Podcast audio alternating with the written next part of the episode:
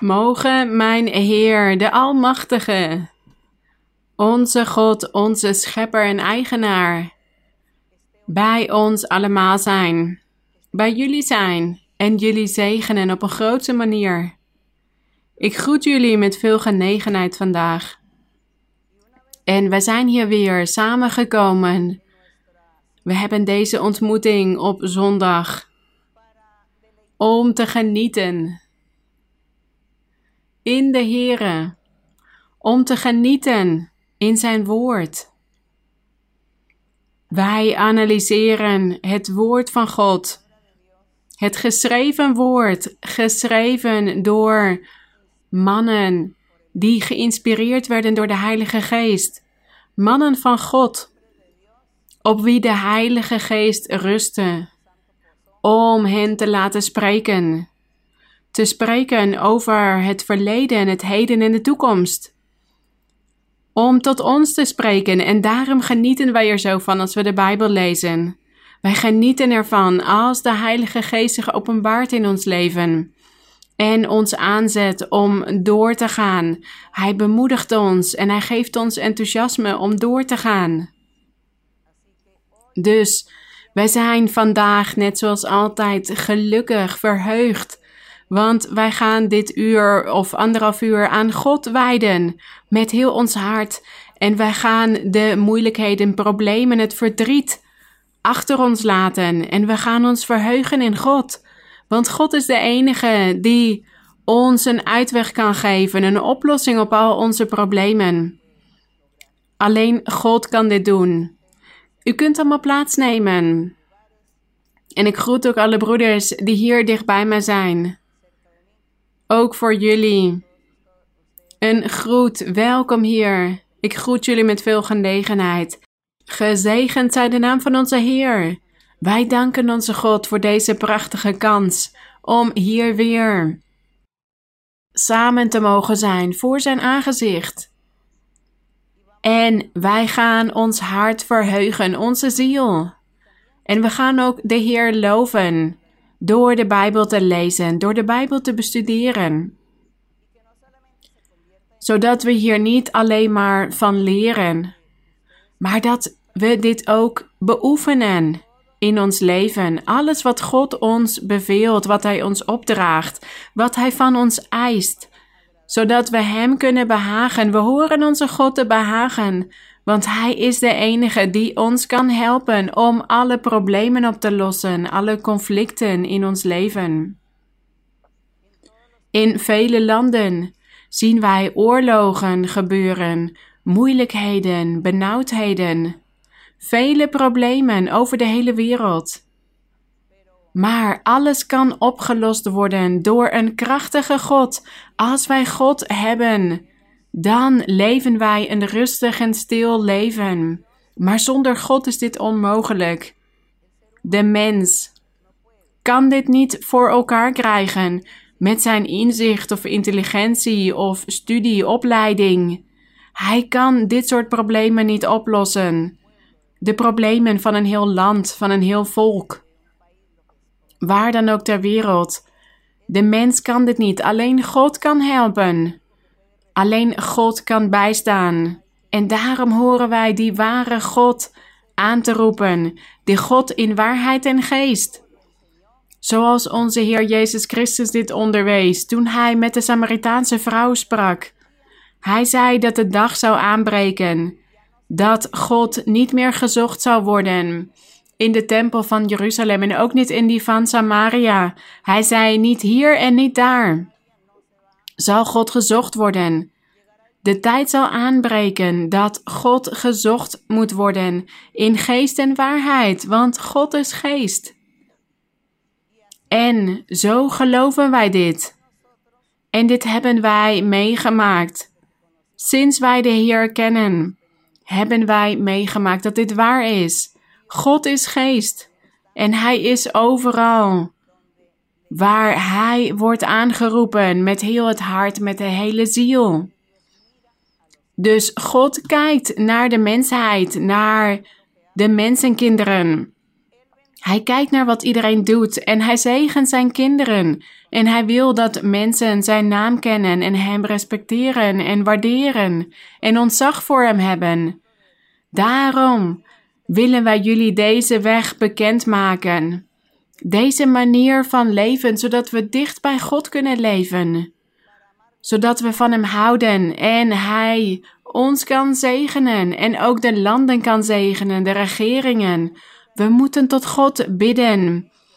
Want met oorlogen kunnen wij de problemen niet oplossen. Met geweld. Nee, het is juist met de liefde van God.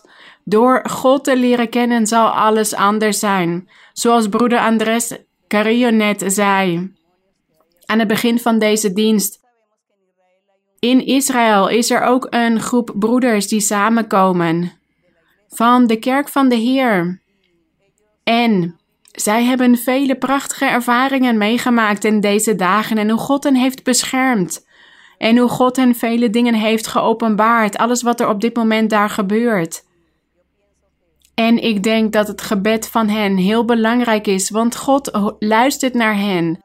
Hij verhoort hun gebeden en hij zal heel barmhartig zijn met het land vanwege zijn kinderen daar. En daar danken wij onze Heer voor en wij voelen ons zo gelukkig zo bevoorrecht vanwege die God die wij in ons midden hebben. En vandaag gaan we verder met Romeinen. Als we klaar zijn met Romeinen, hoor ik graag van jullie waar jullie mee verder willen gaan. Maar we zijn nu nog bezig met Romeinen. En ja, de hele Bijbel is interessant. Dus als wij de hele Bijbel hebben bestudeerd, dan kunnen we weer opnieuw beginnen. En dan zullen we weer nieuwe dingen vinden en God zal zich weer openbaren. Want zo is het woord van de Heer. Zo is de openbaring van de Heilige Geest. Hij onderwijst ons en hij vertelt ons vele dingen, maar sommige dingen verbergt hij nog voor ons en die openbaart hij later. Zo is het. Goed, we gaan Romeinen hoofdstuk 10 lezen vandaag, maar we gaan eerst nog een aantal versen van hoofdstuk 9 lezen, die we vorige week hebben gelezen. Van vers 30 tot en met 33 van hoofdstuk 9. We hebben ze gelezen vorige week, maar dit is de inleiding van hoofdstuk 10 en vandaag gaan we Romeinen hoofdstuk 10 lezen. Dus laten we beginnen bij hoofdstuk 9 vers 30 om dit onderwerp in te leiden. En laten we gedenken dat het de apostel Paulus is die hier spreekt over het volk van Israël in de oudheid. Dat volk dat God had uitgekozen. God wilde dat volk uitkiezen om een uniek volk van hen te maken, heilig, volmaakt. Vol liefde voor God, gehoorzaamheid aan God. En dat God zich zou openbaren in hun midden. En hij zou zijn kracht aan de wereld laten zien door middel van dat volk. Dat was het plan van de Heer. Maar hun harten hebben dit niet toegestaan. Hun hart was verhard en daarom had God al een ander plan. Voor de grondlegging van de aarde wist hij al dat dit zou gebeuren. Hij wist dat de mens koppig en opstandig zou zijn. Dus hij had al een tweede plan. Dat prachtige plan dat hij begon met Abraham. Met het geloof van Abraham. Het geloof van Abraham. Want hij had in God geloofd en hij had God gehoorzaamd. En daarom had God hem gerechtvaardigd. Gezegd dat hij rechtvaardig was en oprecht. En op die manier zou het toekomstige volk verlost kunnen worden door datzelfde geloof. Want in de toekomst zou God een ander volk vormen, omdat hij wist dat het eerste volk hem zou falen. En dat toekomstige volk, dat zou beginnen met de komst van de Messias op de aarde. En zo is het ook gebeurd. En de apostel Paulus, trekt hier een parallel en hij spreekt hier op een heel diepgaande manier over dit alles. Tot de Joden en ook tot de heidenen die op dat moment zich bekeerd hadden. Tot de Heer, tot het Evangelie. En de apostel Paulus legde hen vele dingen uit, zodat zij overtuiging zouden hebben, zodat ze niet meer zouden twijfelen zodat ze zeker zouden zijn van die beslissing die ze hadden genomen, die weg die ze wilden volgen vanaf dat moment om God te kunnen bereiken. En daarom spreekt hij zoveel over deze gerechtigheid en over hoe God Abraham had gerechtvaardigd en dat dit voor alle gelovigen in het evangelie is. Dat zij allemaal gerechtvaardigd zullen worden zoals Abraham door het geloof. En door het geloof of uit het geloof, dus het geloof in Jezus Christus als de Verlosser, als de Zaligmaker, als de weg naar het eeuwige leven, zouden mensen gerechtvaardigd kunnen worden. En hier staat in vers 30: Wat zullen wij dan zeggen? Dit dat de heidenen die geen gerechtigheid hebben nagejaagd. Laten we gedenken dat de heidenen alle andere mensen op de aarde waren behalve de Joden. Alle andere volken werden de heidenen genoemd. En zij hadden allemaal afgoden, allemaal hun eigen geloof in goden en afgoden. En daarom staat hier dat de heidenen die geen gerechtigheid hebben nagejaagd, want zij zochten niet naar de God van de gerechtigheid. Maar toch hebben zij gerechtigheid verkregen, staat hier. Gerechtigheid echter die uit het geloof is. Hij had het hier over die heidenen die zich tot het christendom hadden bekeerd. Zij hadden die gerechtigheid verkregen uit het geloof. Uit het geloof, oftewel door te geloven in de Heer Jezus Christus als de Zoon van God en als God zelf en als de enige weg tot het eeuwige leven. Vers 31. Maar Israël, dat het uitverkoren volk was geweest, dat rechtvaardig had moeten zijn, hier staat dat de wet van de gerechtigheid najaagde, is aan de wet van de gerechtigheid niet toegekomen. Het is haar niet gelukt. Dat staat hier in vers 31. Ze zijn niet aan de wet van de gerechtigheid toegekomen. 32. Waarom niet? Omdat zij die niet uit geloof zochten. Zij geloofden niet in God. En zij verlangden er ook niet naar om God te behagen. Zij wilden alleen die fysieke dingen vervullen, die fysieke geboden, de regels, bepalingen die hen waren opgelegd door middel van de wet van Mozes. Dat wilden zij vervullen. Maar zij geloofden in hun hart, geloofden ze niet in God. En ze verlangden er niet naar om een heilig leven te leiden, om God te behagen. Daarom staat hier: omdat zij die niet uit geloof zochten, maar als uit werken van de wet van Mozes. Zij dachten, als we ons maar aan al die regels houden, dan zullen we wel verlost worden. Maar hier staat, zij hebben zich gestoten aan de steen des aanstoots. Zij waren niet aan de gerechtigheid toegekomen omdat de Heer Jezus Christus een steen des aanstoots voor hen was geweest. Want zij wilden niet in Hem geloven. En in Jesaja 28, 26 staat geschreven wat hier staat in vers 33.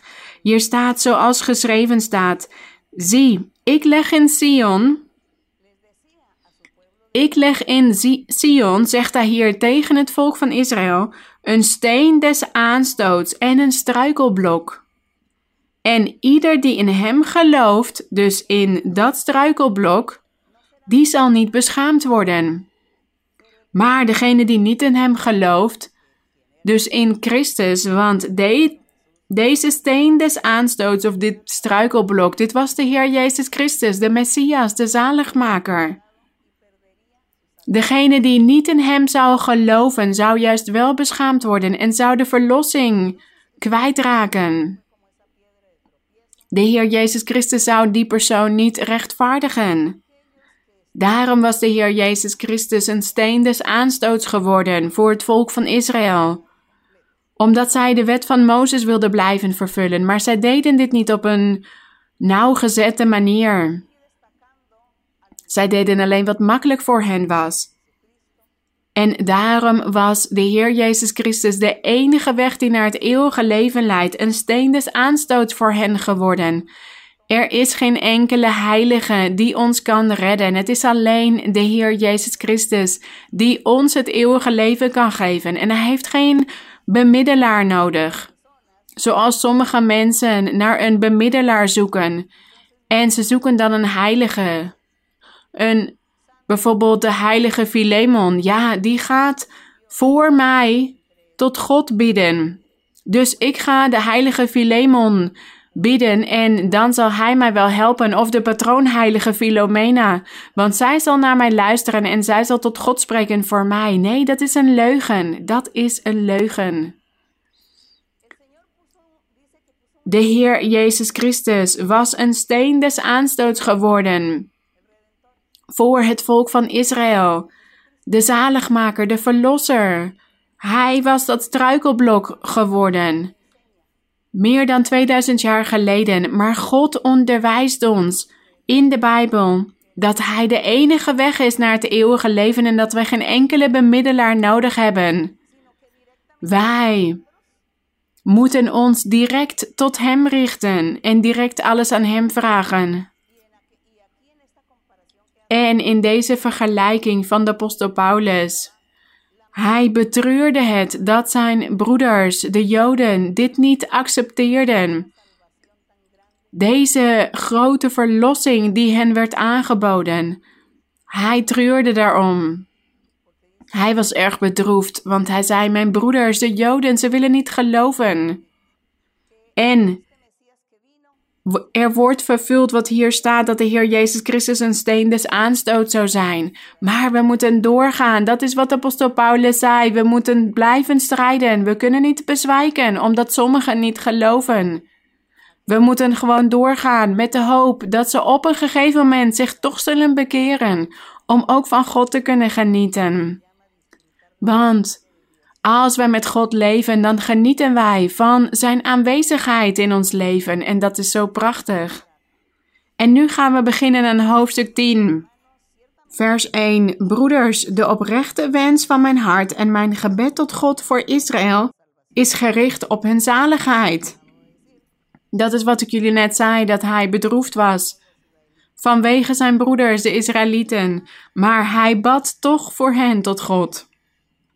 En we moeten blijven bidden, zodat velen, niet alleen de Israëlieten, maar mensen over de hele wereld, de heidenen en alle andere volken, dat zij ook God leren kennen. Dus wij kunnen vandaag ook hetzelfde zeggen, dat onze oprechte wens en ons gebed tot God is dat vele mensen over de hele wereld God leren kennen en zich bekeren tot Hem tot deze prachtige en krachtige God. En in vers 2 staat dat apostel Paulus zei: Want ik getuig van hen, van de Israëlieten, dat zij ijver voor God hebben, maar niet met het juiste inzicht. Oftewel niet met kennis van het woord van God. Dus dit inzicht of deze wetenschap of deze kennis, dat was de kennis van God, de ware weg van de Heer. Zij kenden die niet. Zij kenden de waarheid niet. Zij begrepen niet waarom God hen zo behandelde zoals hij had gedaan. En dat hij een verlosser, een zaligmaker had gestuurd. En de apostel Paulus zegt hier dat zij ijver voor God hadden of ijver voor hun godsdienst. Dat wat zij kenden, maar ze hadden niet de ware kennis van God. De Heilige Geest was niet bij hen om hen te onderwijzen. Om hen de ware weg te onderwijzen, daar is de aanwezigheid van de Geest van God voor nodig. Of de Heilige Geest, dat is hetzelfde, of de Geest van Christus.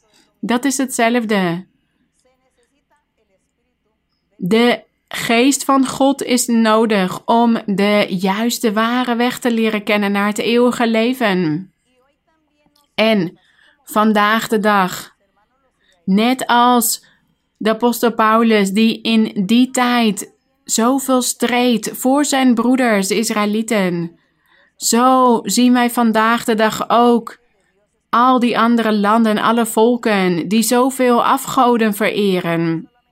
Het gaat niet alleen maar om Israëlieten, maar alle groepen over de wereld, ook religieuze groeperingen over de hele wereld. Ons verlangen is dat zij allemaal het ware woord van God leren kennen. Daar bidden wij voor, zodat ze de ware geloofsleer leren kennen. Dat is dit inzicht of de wetenschap. Ze hadden geen wetenschap, ze hadden geen inzicht, geen kennis van God. Niet de ware kennis. Zij kenden de weg niet, de Heilige Geest was niet in hun midden. Want vandaag de dag zijn er ook vele groeperingen en zij zeggen, we zijn christenen, maar ze kennen God niet. Ze kennen de Heilige Geest niet. Ze weten niet goed hoe ze God moeten behagen en wat ze moeten doen om het eeuwige leven te kunnen verkrijgen. Om oprecht en heilig te kunnen leven voor de Heer. Vers 3. In vers 2 had de apostel Paulus dus gezegd dat de Israëlieten ijver voor God hadden, maar dat ze het niet deden met het juiste inzicht. Vers 3. Omdat zij immers de gerechtigheid van God niet kennen en een eigen gerechtigheid tot stand proberen te brengen, hebben zij zich niet aan de gerechtigheid van God onderworpen. Zij wilden hun eigen gerechtigheid tot stand brengen hun eigen manier van de dingen begrijpen en de dingen doen, om alles maar op een makkelijke manier te kunnen doen. Daarom wilden zij zich niet aan de gerechtigheid van God onderwerpen. Vers 4. Want het einddoel van de wet is Christus. Het einddoel van de wet van Mozes is Christus. En dit is erg pijnlijk voor velen. Zij nemen dit niet aan. Ze accepteren deze dingen niet. Als mensen zeggen: hoe kan ik nou mijn godsdienst achterlaten, verlaten? Ik moet doorgaan in mijn godsdienst. Dit is wat mijn ouders mij hebben onderwezen. Mijn opa en oma, mijn overgrootouders. Alle generaties voor mij. Ik moet hiermee doorgaan, maar godsdienst verlost niet. Godsdienst veroordeelt juist, het verlost niet, want wanneer wij een krachtige, levende God leren kennen, dan maakt onze godsdienst niet meer uit, dan is het niets meer waard. Dat wat onze ouders ons hebben onderwezen of voorouders, tradities, gebruiken, wij moeten dan onze ogen openen voor dat nieuwe leven. Omdat we God hebben leren kennen, omdat we God voelen in ons leven. En daarom spreken wij deze woorden. En zeggen wij, ja, we moeten veranderen, zodat we deze ware God altijd bij ons hebben. Wij leggen dan de godsdienst naast ons neer. Wij zeggen, ja, het is dan een onderdeel van mijn verleden geworden, mijn godsdienst. Maar ik leef nu met een levende God. En als ik iets moeilijks meemaak, dan is Hij er om mij te helpen. En Hij verhoort mijn gebeden. En laten we kijken wat apostel Paulus hier nog meer zegt. Hij zegt dus, want het einddoel van de wet is Christus, tot gerechtigheid voor ieder die gelooft. Voor ieder die gelooft in Jezus Christus als God, als de gezant van God, als de weg naar het eeuwige leven. Jezus Christus, de weg, de waarheid en het leven. Wie daarin gelooft, laat zijn godsdienst sterven. Die laat het achter zich liggen. Die vergeet zijn godsdienst. Die zegt dan: Ja, het einddoel van de wet is Christus. Het einddoel van mijn godsdienst is Christus. Want God kijkt dan niet meer naar de godsdienst van die persoon, naar zijn religie. Op de dag van het oordeel, wanneer er over iedereen geoordeeld gaat worden, dan gaat God niet tegen de persoon zeggen: Waarom heb je de wet van Mozes niet vervuld? Heb je de wet van Mozes wel vervuld in je leven? Nee, hij gaat zeggen: Waarom heb je niet geloofd in de zaligmaker die ik naar de aarde heb gestuurd in dit of dat jaar? Hij zal vast een jaartal noemen, een specifiek jaartal. En hij zal zeggen: Waarom heb je zijn weg niet gevolgd? Waarom heb je zijn voetsporen niet gevolgd? Waarom heb je mij niet gezocht in zijn naam? Dat zal God dan zeggen op de dag van het oordeel. Dan zal niemand kunnen zeggen: nee, mijn godsdienst was dit of dat. Mijn voorouders hebben mij dit of dat onderwezen, of de maatschappij, mijn familie, mijn samenleving. Die zou dan over mij hebben gesproken als ik van religie of godsdienst veranderd zou zijn.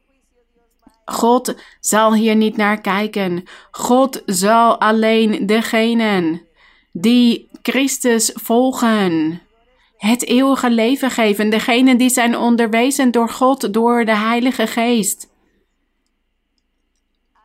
God zal naar hen omkijken en hen rechtvaardigen. Vers 5. Hier staat: Want Mozes schrijft over de gerechtigheid die uit de wet van Mozes is. Wat heeft hij hierover geschreven? Hij zei tegen Mozes: De mens die deze dingen gedaan heeft. Dat is wat God tegen Mozes had gezegd. Dat de mens die de hele wet van Mozes in acht zou nemen, die zou daardoor leven. Die zou het eeuwige leven ontvangen. Maar omdat niemand dit heeft kunnen doen, laten we gedenken dat niemand de wet van Mozes heeft kunnen vervullen. Totdat de Heer Jezus Christus kwam. Niemand had het kunnen vervullen, niemand had het volledig in acht kunnen nemen. Daarom had de Heer hen verworpen en hij had gezegd: Er is er niet één die het goede doet. Daarom zullen ze allemaal mijn heerlijkheid missen. Dat is wat de Heer zei. En daarom moest de Heer tussen beiden komen. De Heer Jezus Christus, Hij was barmhartig geweest met de mensheid. En daarom dit vers over de gerechtigheid die uit de wet is. Alleen degene die de hele wet in acht zou hebben genomen, die zou daardoor leven.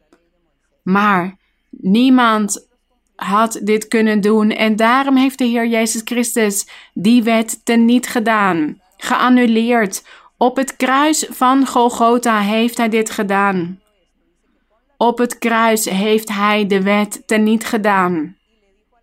En vanaf dat moment zou de mens niet meer verlost kunnen worden door de wet van Mozes, maar door het geloof in de Heer Jezus Christus. En door de ware daden die de Heilige Geest zou onderwijzen vanaf dat moment. De geboden van God blijven van kracht. Ze zijn nog steeds van kracht. De wet van God is nog steeds aanwezig in het hart van mannen en vrouwen die zich tot God bekeren. De Heilige Geest gaat die mannen en vrouwen binnen in hun hart om hen de wetten van God te onderwijzen, de moraal, de wetten van God, alle geboden. De Heilige Geest begint dit aan die persoon te onderwijzen in het diepst van zijn hart. Daarom zeggen we ook dat als de Heilige Geest naar het hart van iemand toekomt, dat die persoon dan besneden wordt, omdat God dan al het slechte uit het hart van die persoon wegneemt. En die persoon begint dan goede daden voor God te verrichten. Dat is het ware evangelie van de Heer Jezus Christus. Dat is wat het evangelie doet in het leven van een persoon. Dit is die ware besnijdenis. Een symbolische besnijdenis van het hart.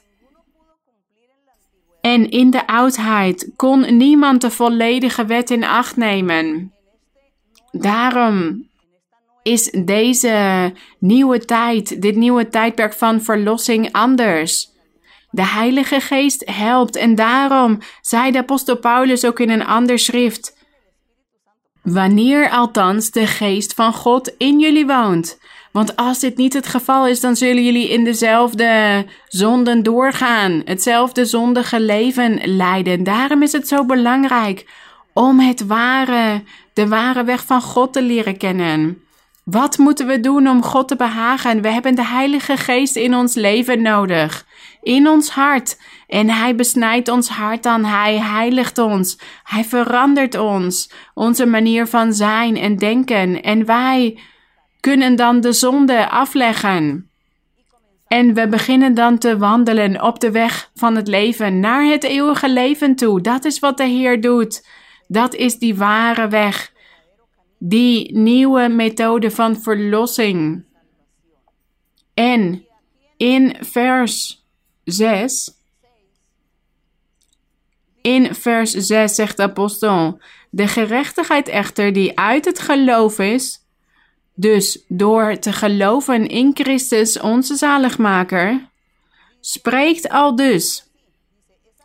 De gerechtigheid echter, die uit het geloof is, spreekt al dus. Zeg niet in uw hart, wie zal naar de hemel opklimmen?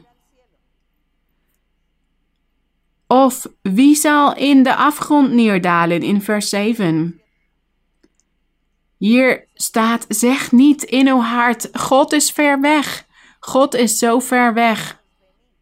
Hoe kan ik Hem naar beneden brengen of naar boven brengen? Hoe kan ik Christus uit de hemel naar beneden brengen? Of als Christus in de afgrond is, hoe kan ik Hem uit de doden naar boven brengen, zodat Hij bij ons is, zodat Hij in mijn hart kan zijn? Want God is zo ver weg. Hier staat: nee, dit mag u niet zeggen, dit mag u niet denken, want dit is niet zo. Ik ga deze versen letterlijk lezen. Vers 6. Zeg niet in uw hart wie zal naar de hemel opklimmen, dat is Christus naar beneden brengen, of wie zal in de afgrond neerdalen, dat is Christus uit de doden naar boven brengen. Vers 8. Maar wat zegt zij? Wat zeggen de schriften? Wat zeggen de schriften? Dicht bij u man of vrouw, dicht bij u is het woord. Het woord van God is dicht bij u, in uw mond en in uw hart. Want de Heilige Geest is in uw hart komen wonen, of heeft uw mond gebruikt om te spreken? Heeft uw hart gebruikt om goede dingen te doen? Zodat u een heilig oprecht leven leidt.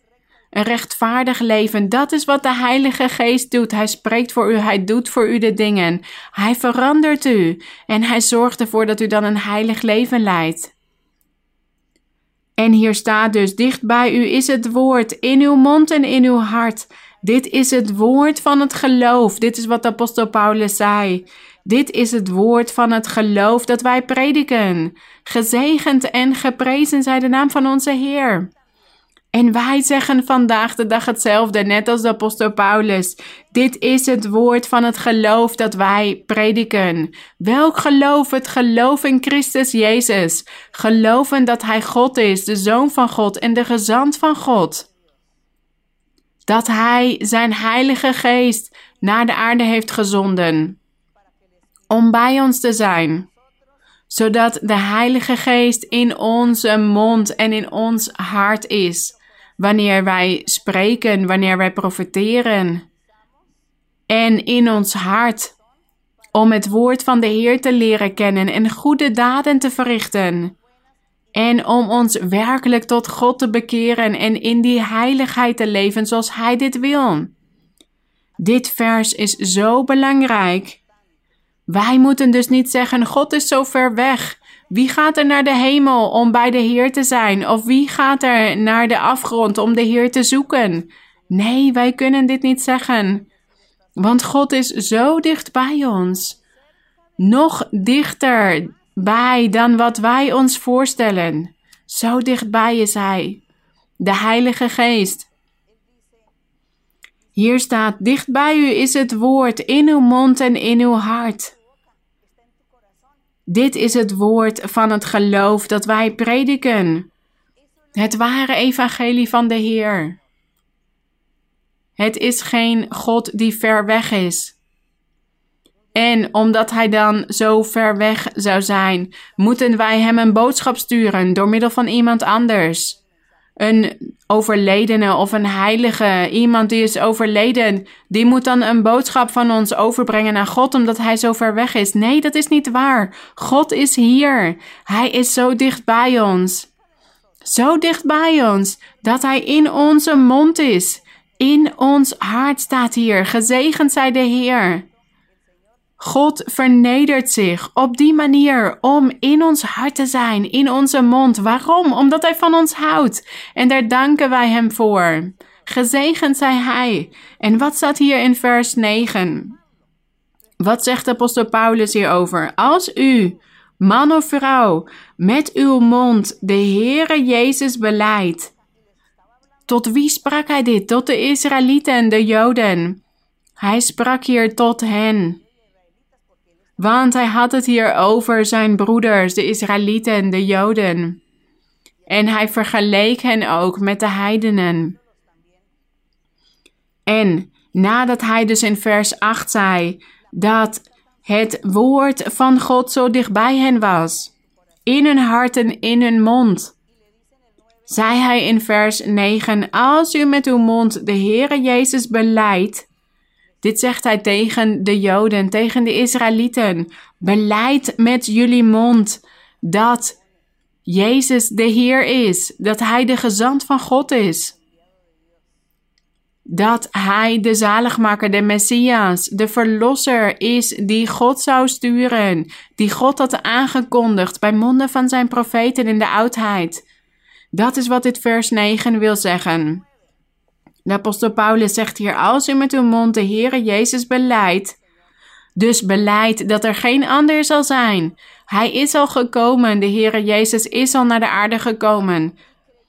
En wat staat hier nog meer? En met uw hart gelooft dat God hem uit de doden heeft opgewekt. Dit is wat hij tegen de Joden zei. Als jullie geloven dat de Heer Jezus is gestorven, maar ook uit de doden is opgewekt op de derde dag. Want in die tijd geloofden velen dit niet. In die tijd waren er Joden die valse getuigen hadden betaald om te zeggen dat er iemand was geweest die het lichaam, het dode lichaam van de Heer Jezus uit het graf gehaald zou hebben en ergens anders zou hebben begraven om te zeggen dat het een leugen was dat hij uit de dood was opgestaan. Zoveel dingen gebeurden er ook in die tijd. Niet alles staat opgeschreven, maar wij stellen ons ook vele dingen voor. En hier staat dus: jullie moeten wel met jullie hart geloven dat God hem uit de doden heeft opgewekt. Dat is wat apostel Paulus wilde onderwijzen aan zijn broeders, de Israëlieten. Hij had het hier niet tegen de heidenen. Want hij hoefde hen niet te overtuigen dat ze de Heer Jezus Christus als de Verlosser moesten beleiden. Waarom? Want de heidenen hadden hun hele leven lang demonen vereerd, doden, afgoden, standbeelden, zoveel geloof, zoveel bijgeloof, zoveel voortekenen.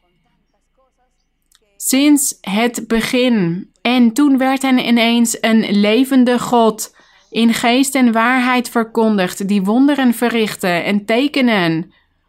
En dat de Heer Jezus Christus de gezant was van God, de Messias, en dat hij was overleden, maar was opgestaan uit de dood. Zij geloofden hier onmiddellijk in. Degenen die zouden geloven, geloofden dit onmiddellijk en ze konden het niet weerleggen of vergelijken, want zij hadden nooit een ware levende God gezocht. Het was nieuw voor hen en zij geloofden het meteen. Dus dit vers is alleen voor degenen die niet geloofden in de Heere Jezus als de Verlosser, of degenen die daar vandaag de dag ook nog niet in geloven, of in de toekomst nog niet in zullen geloven. Voor hen is dit vers. Dus als u aanneemt dat de Heere Jezus God is en de gezant van God, en met uw hart gelooft dat God hem uit de doden heeft opgewekt, dan zult u zalig worden. Dan zult u zalig worden. Welke godsdienst er dan ook op de wereld bestaat, vandaag de dag of in de toekomst, als die godsdienst zich niet onderwerpt aan dit vers 9, dan zullen zij niet verlost worden, dan zullen zij niet zalig worden. Ze moeten hierin geloven. Hij is de enige weg naar de eeuwige verlossing, het eeuwige leven. Vers 9. Vergeet nooit dit vers, Romeinen, hoofdstuk 10, vers 9. Wanneer u in uw hart voelt dat u gaat bezwijken, denk dan aan Romeinen 10, 9 en vraag God om u te helpen. Vraag God om in uw hart te komen, in uw leven, om u te gebruiken, om uw mond te gebruiken, uw woorden te gebruiken, uw hart. Dat God in u gaat wonen, dat is prachtig. En dan zult u doorgaan. Dus dit vers, vers 9, is voor allen die Christus hebben verworpen of zullen verwerpen. Zij moeten vers 9 in acht nemen om zalig te kunnen worden. Want hun godsdienst is onnuttig, is te vergeefs als zij dit vers niet beoefenen in hun leven. Vers 10. Want met het hart gelooft men tot gerechtigheid en met de mond beleidt men tot zaligheid. Dit is wat wij doen. Met ons hart geloven wij om tot gerechtigheid te komen. Om goede dingen te kunnen doen in ons leven, om de wil van God te doen in ons leven. Omdat wij het eeuwige leven willen verkrijgen en wij willen dat God over ons zegt: Jij bent rechtvaardig. Daarom zoeken wij God met het hart. Maar wat wij in ons hart hebben, dat moet ik naar buiten laten komen. Ik moet hierover spreken. Ik moet beleiden dat God de waarheid is, dat de Heer Jezus de enige weg is, dat God wonderen verricht, dat de Heilige Geest bestaat, dat Hij in ons midden is en dat God wonderen verricht. De Heilige Geest spreekt tot ons. Hij geeft ons dromen, Hij spreekt tot ons door middel van profetieën, openbaringen en dat wij meer van Hem willen. En daar strijden wij voor. Zo spreek ik. Met mijn mond, ik predik, ik verkondig met mijn mond, ik beleid de Heer met mijn mond. Tot zaligheid staat hier. Ja, tot zaligheid, zodat ook anderen verlost kunnen worden als zij in mijn woorden geloven. Vers 11, want de schrift zegt: Ieder die in hem gelooft, zal niet beschaamd worden. Dus ieder die in Christus gelooft als de zaligmaker, die zal niet beschaamd worden. Er is immers geen enkel onderscheid tussen Jood en Griek. Want één en dezelfde is Heere van allen, en hij is rijk voor allen die hem aanroepen. Dus er is geen onderscheid meer tussen Joden en Grieken of Joden en heidenen. Hij is dezelfde voor iedereen die hem aanroept. Vers 13, want ieder die de naam van de Heere zal aanroepen, zal zalig worden.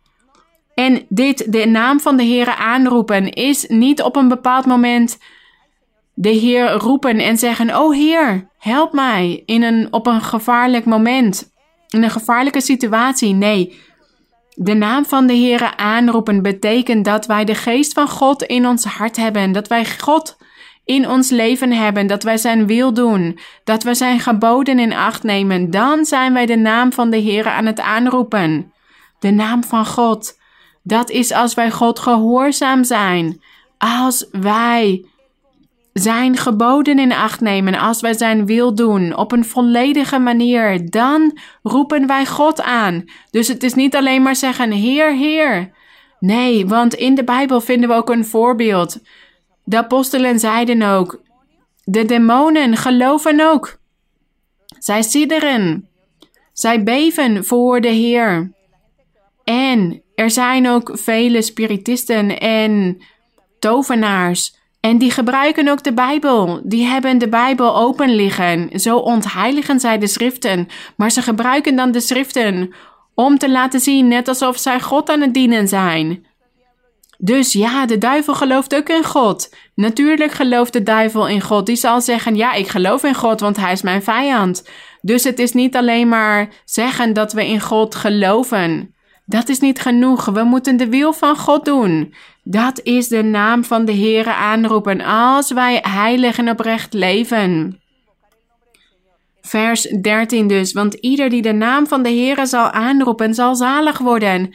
En de naam van de Heere aanroepen betekent dus dat wij op de weg van God leven. Dat wij de weg van God bewandelen.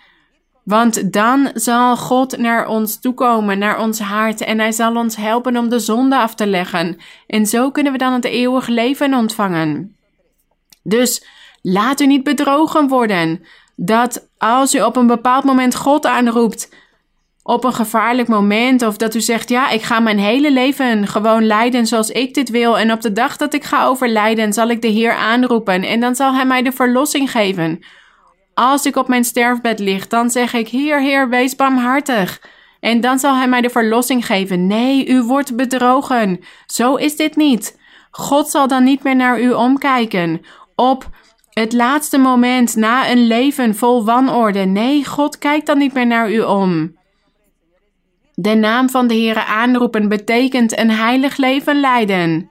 En die zal zalig worden, die persoon. En daarvoor moeten wij dus ook de Heer Jezus Christus aannemen.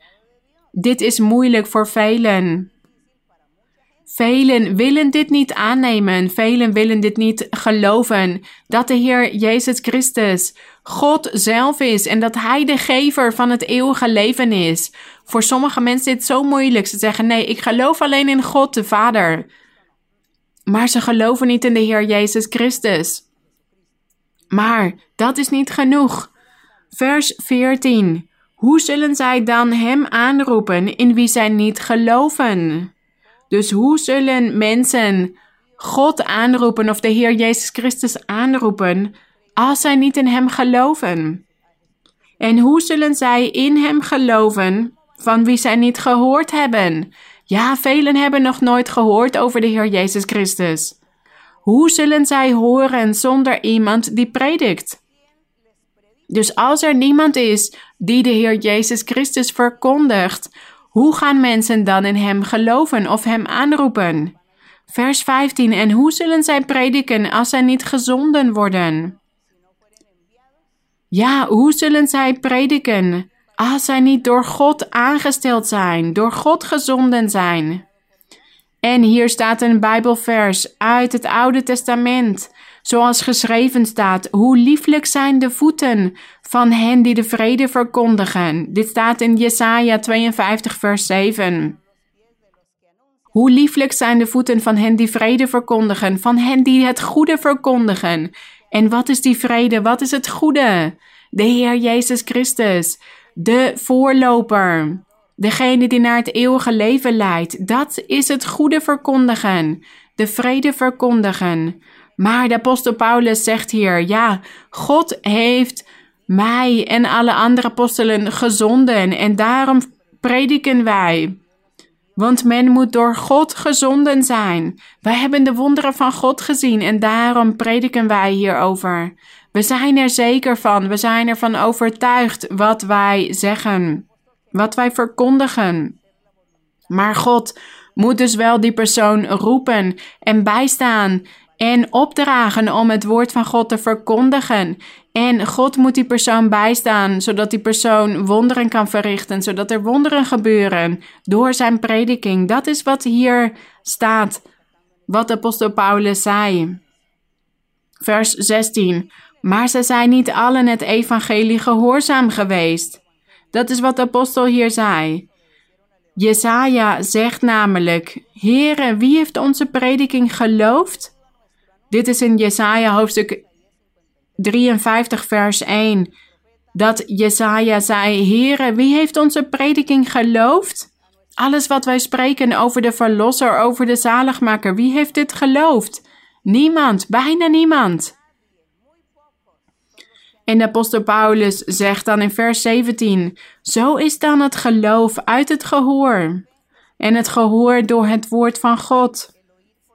Als God zijn predikers zendt, zijn boodschappers, om het goede te verkondigen, de goede tijding van verlossing. Sommigen zullen gehoorzaam zijn, anderen niet. Maar het horen van die prediking, daar komt het geloof uit voort. Geloof komt als men het woord van God hoort. Vers 18. Maar ik zeg, zegt de apostel, hebben zij het dan echt niet gehoord? Zeker wel, hun geluid is over heel de aarde uitgegaan en hun woorden tot de einden van de wereld. Dit staat in Psalm 19, vers 5 geschreven. Dat de Heer had geprofeteerd dat over heel de aarde het geluid van de predikers van de goede tijding was uitgegaan. De apostelen, de predikers en hun woorden tot de einde van de wereld. Dus de Heer zou zijn apostelen, zijn profeten, zijn evangelisten, zijn leraars of leraressen, predikers, pastoors, herders uitzenden over de hele wereld om het woord van God te verkondigen, zodat mensen in het woord van God zouden geloven, zodat ze Hem zouden aannemen en verlost zouden kunnen worden. Dit is die nieuwe methode van verlossing. De Heer sprak hierover. Over hoe er gewerkt moest worden om het woord van God te verkondigen over de hele wereld. Dus het ging niet meer over materiële, fysieke dingen, regels, zoals die van de wet van Mozes. Maar het gaat hier om het gehoor. Het gehoor van het woord van God. Daardoor komt het geloof. En die persoon begint dan in zijn hart te geloven in het woord van God. En dan begint God, de Heilige Geest, naar hem toe te komen. En die persoon te veranderen. Die persoon begint dan een nieuw leven te leiden en God te behagen. En hem te loven en te zegenen. En dan zal God zeggen: Ja, ik ga die persoon geestelijke gaven geven, zodat hij ook zijn broeders en zusters helpt door middel van handoplegging. Profetieën, visioenen, dromen, openbaringen. Dan begint het ware evangelie van de Heer Jezus Christus tot leven te komen in het leven van die persoon. Al deze dingen. En hier zei de apostel Paulus dus, God heeft ons gezonden om te prediken. En hij heeft het hier over een ander schrift in de Bijbel in vers 19. Hij zegt, Mozes is het die zegt, ik zal u tot jaloersheid verwekken door wat geen volk is. De apostel Paulus had het altijd over de Joden, over de Israëlieten en zijn broeders. En hij herinnerde hen altijd wat de profeten hadden aangekondigd, wat zij hadden geprofeteerd. En dat God had gezegd door middel van zijn profeten. Dat hij het volk van Israël tot jaloersheid zou verwekken door wat geen volk is. Door de heidenen. Want het evangelie zou niet meer alleen voor de Israëlieten zijn, maar ook voor de heidenen. En God zou één volk maken van die verschillende volken. En dit is ook zo gebeurd. Dit is aan het gebeuren. God maakt één volk van alle mensen die in Hem geloven. Dat is het woord van de Heer. En in vers 19, vers 20 staat ook, en Jesaja durft het aan te zeggen, ik ben gevonden door hen die mij niet zochten. Wie waren dit? De heidenen. God was gevonden, de Heer Jezus Christus was gevonden door hen die Hem niet zochten. Ik heb mij geopenbaard aan hen die naar mij niet vroegen. Dat was de Heer Jezus Christus. Hij had zich geopenbaard aan de heidenen, terwijl de heidenen nooit om een ware God hadden gevraagd, want zij hadden hun afgoden, hun standbeelden, zoveel dingen waar zij in geloofden, maar toen zij het ware woord van God hoorden, bekeerden zij zich tot God. Zij waardeerden het woord van God wel en zij bekeerden zich tot God in die tijd. En zo Daarna begonnen ook de Joden, de Israëlieten, zich langzamerhand te bekeren tot God. Maar hier staat vers 21, met het oog op Israël zegt hij echter, heel de dag heb ik mijn handen uitgebreid naar een ongehoorzaam en tegensprekend volk. Zo sprak hij over het volk van Israël. Hij zei heel de dag, oftewel altijd. De hele tijd heb ik mijn handen uitgebreid naar een ongehoorzaam en tegensprekend volk. En zo is dit gebeurd. Toen de Heer op de aarde aan het verkondigen was, hebben zij het woord van de Heer altijd verworpen, bekritiseerd. Zij hadden zoveel onbehagelijke dingen over hem gezegd. En ze geloofden niet in zijn prediking en zijn boodschap. Maar de Heer had zijn apostelen aangesteld en gezegd: Gaan jullie door met mijn werk, verkondig mijn naam aan Joden en aan heidenen. Want ik zal één volk van hen maken. En de heidenen zullen ook in mij geloven. En vandaag de dag, de meerderheid van ons, wij beschouwen onszelf als heidenen, want wij komen niet voort uit het Joodse volk. Maar wij geloven in het woord van de Heer. Wij geloven in zijn woord, in de Heer Jezus Christus als de enige weg, als de goddelijke herder die ons hoedt en die ons naar het eeuwige leven zal leiden. Hij helpt ons om te veranderen, om een heilig leven te kunnen leiden. En hij zal ons ook bijstaan als we onze mond moeten openen om zijn woord te verkondigen. Hij zal bij ons zijn. Hij zal in ons hart zijn. En hij zal ons helpen om vele zielen te winnen voor het koninkrijk van God. Dat is ons werk. Dat is het werk dat de Heer ons heeft gegeven. Het werk, prachtig werk. En wellicht ziet het er moeilijk uit, maar het is prachtig werk. Een levende, krachtige God verkondigen. De openbaring van God in Jezus Christus, zijn Zoon. Dat is het woord van de Heer. Dat is het woord van het geloof dat wij prediken. Dat is wat apostel Paulus zei in die tijd en dat is wat wij vandaag de dag ook zeggen. Het woord van het geloof dat wij prediken. Het geloven in de Heer Jezus Christus en Hem volgen. Dus ik nodig jullie allemaal uit om de Bijbel te lezen. En heb uw hart bereidwillig voor God. Open uw hart voor God. Verlangen naar met heel uw hart om God te behagen. Om God te behagen, om zijn wil te doen. Wees nederig. Wees eenvoudig en gedenk dat wij met een oorlog nooit een andere oorlog kunnen eindigen. Met geweld. Door geweld kunnen wij niks bereiken. Het zal juist meer geweld veroorzaken. Maar liefde, nederigheid, geduld en het bidden tot God is het enige wat ons kan redden en wat ons kan helpen. Dus klaag niet zoveel. En maak jullie geen zorgen om al die dingen die vandaag de dag gebeuren. Geef de mensen niet de schuld. Want er zijn mensen die zeggen: ja, de koning van dat land of de leider van dat land is de schuldige. Hij is hier schuldig aan. Of de burgemeester, de leider. Nee, niemand is hier schuldig aan. Wij als maatschappij, als gemeenschap, in het geheel, wij zijn allemaal schuldig, want we hebben God verlaten en we zijn het slechte gaan doen als mensheid. En daarom gebeuren al deze dingen en is er veel kwaad en veel gebrek.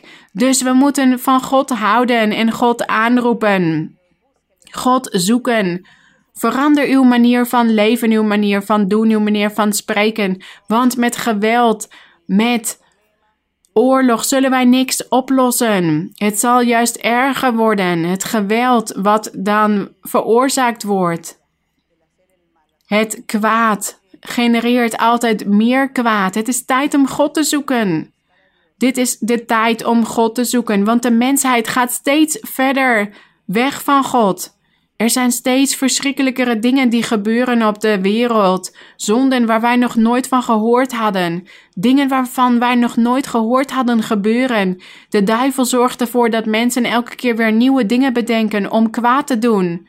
En God wordt boos op de mensheid en hij straft de mensheid op deze manier door middel van de natuur, door middel van vele dingen.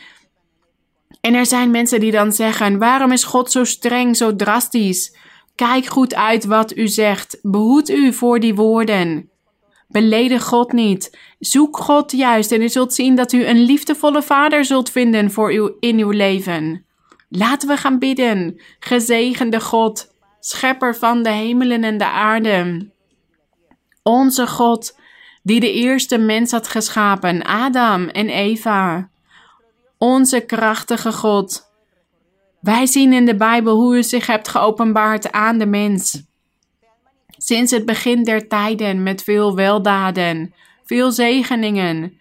Maar u hebt ons ook onderwezen En u hebt ons vele voorbeelden laten zien dat u ook een harde, sterke hand heeft voor degenen die niet gehoorzaam zijn, die koppig zijn, opstandig zijn, die willen doorgaan in hun boosheid, in hun koppigheid. Heilige Vader, u hebt ons al deze wegen laten zien. U hebt ons vele voorbeelden gegeven. De Bijbelse personages, daaruit leren wij uw liefde. En ook dat u streng bent, mijn Heer. Maar wij willen u als die Vader van liefde hebben. Wij willen geen God als verterend vuur hebben in ons leven, maar die God van liefde. En wij willen u gehoorzamen, goede kinderen zijn. Rechtvaardig leven voor u, mijn Heer, zodat u ons zegent en zodat u onze gebeden verhoort. Elke keer dat wij voor uw aangezicht komen. Wij danken u, mijn Heer. Ik dank u, mijn God, mijn Vader. Ik weet dat uw krachtige hand in de landen, in de regeringsleiders gaat handelen. Dat u gaat helpen. En dat u aan vele mensen dingen gaat openbaren en uw bestaan gaat openbaren. Ik weet dat u dit gaat doen uit grote barmhartigheid. Mijn Vader, help ons, want wij willen uw wil doen. Wij willen u behagen, maar wij willen ook uw aanwezigheid voelen in ons leven op een constante manier. Gezegend en geprezen zij uw naam tot in alle eeuwigheid. Uw liefde is zo groot en uw barmhartigheid is tot in alle eeuwigheid. Uw beloften zijn betrouwbaar en waarachtig. En u hebt ons zoveel beloften gedaan en wij vertrouwen er volledig op dat, dit, dat u dit zal vervullen in ons leven. Wij danken u, mijn Heer, want uw krachtige hand zal zegenen. Degenen die hun hart bereidwillig stellen voor u om het goede te doen, mijn Heer. Wij danken u, mijn Heer, in de luisterrijke naam van de Heer Jezus Christus, uw geliefde Zoon. En ik vraag u ook, mijn Heer, om uw hand uit te strekken en wonderen en tekenen te verrichten. En te genezen, te reinigen, te zuiveren. Er zijn vele mensen die ziek zijn door zoveel verschillende ziekten. Sommigen liggen in het ziekenhuis, anderen liggen thuis op bed. Ik vraag u, mijn Heer. Zij hebben tot u gebeden, mijn Heer. Verhoor hun gebeden. Strek uw hand uit. En genees, mijn Heer. Doe wonderen. Laat uw bestaan zien. Wij verkondigen u, mijn Heer, wij prediken u, maar u bent degene die de wonderen verricht. Wij hebben geen enkele kracht. De kracht is in uw hand, mijn Heer. Bevrijd daarom, mijn vader. Bevrijd allen die slaaf zijn geworden van hekserijen en tovenarijen. Bevrijd hen van die vervloekingen. Kwade geesten die mensen van alle leeftijden kwellen. Bevrijd hen, mijn Heer. Vernietig het werk van het kwaad. Reinig iedereen. Gezegend zij uw naam. We danken u, mijn Heer, omdat u ons gebed aanhoort omdat u onze smeekbeden verhoort, omdat u naar ons omkijkt, mijn hemelse Vader. U weet dat wij van u houden. Wij geven u de glorie en de eer en de lofuiting, mijn Heer. Wij vragen u dit allemaal in de naam van Jezus Christus, uw geliefde Zoon. Wij danken u, mijn Heer. De glorie en de eer zij aan u, van nu aan tot in alle eeuwigheid. Amen. De glorie zij aan de Heer. Laten we koor 170 zingen. Alleen God geeft het ware geluk. Alleen God geeft het ware geluk. Alleen God geeft het ware geluk. Het aardse leven is lucht en leegte. Alleen God geeft het ware geluk. Alleen God geeft ook jou waar geluk.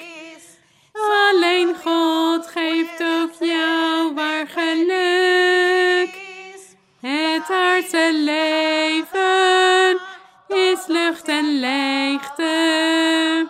Alleen God geeft ook jou waar geluk. Alleen God geeft het ware geluk. Alleen God geeft het ware geluk. Het aardse leven is leuk. en leegte. Geeft het ware geluk. Alleen God geeft ook jou waar geluk. Alleen God geeft ook jou waar geluk. Het aardse leven is lucht en leegte. Alleen God geeft ook jou waar geluk.